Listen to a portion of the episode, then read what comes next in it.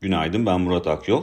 FED dün akşam sona eren toplantısında beklendiği gibi politika faizinde 25 bas puanlık arttırma gitti. Komite üyelerinin medyan tahminlerine baktığımızda ise yılın geri kalanında 6 faiz arttırımı daha beklendiğini görüyoruz. E, güncellenen projeksiyonlarda büyüme tahminlerinde de revizyon yapıldı ve %4'ten %2.8'e çekildi 2022 tahmini.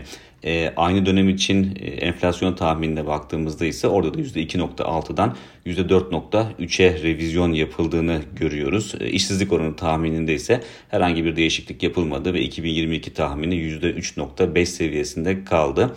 E, toplantı metninde Ukrayna'daki savaşa da vurgu yapıldığını görüyoruz ve savaşın ABD ekonomisi üzerindeki etkisinin e, belirsiz olduğuna vurgu yapılıyor. Buna karşın özellikle kısa vadede enflasyon üzerinde yukarı yönlü bir baskı oluşabileceğine de dikkat çekiliyor.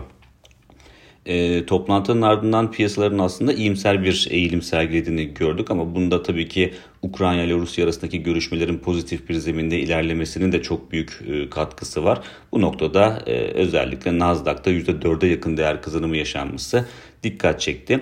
E, bugüne dönersek bugün İngiltere Merkez Bankası'nın toplantısı var. Orada da 25 bas puanlık bir artırım bekleniyor ve zaten Aralık ve Şubat aylarında arka arkaya iki artırım yapmıştı İngiltere Merkez Bankası böylece bugünkü artırımın da gelmesi durumunda İngiltere'de faizler politika faizi %0.75 seviyesine yükselmiş olacak.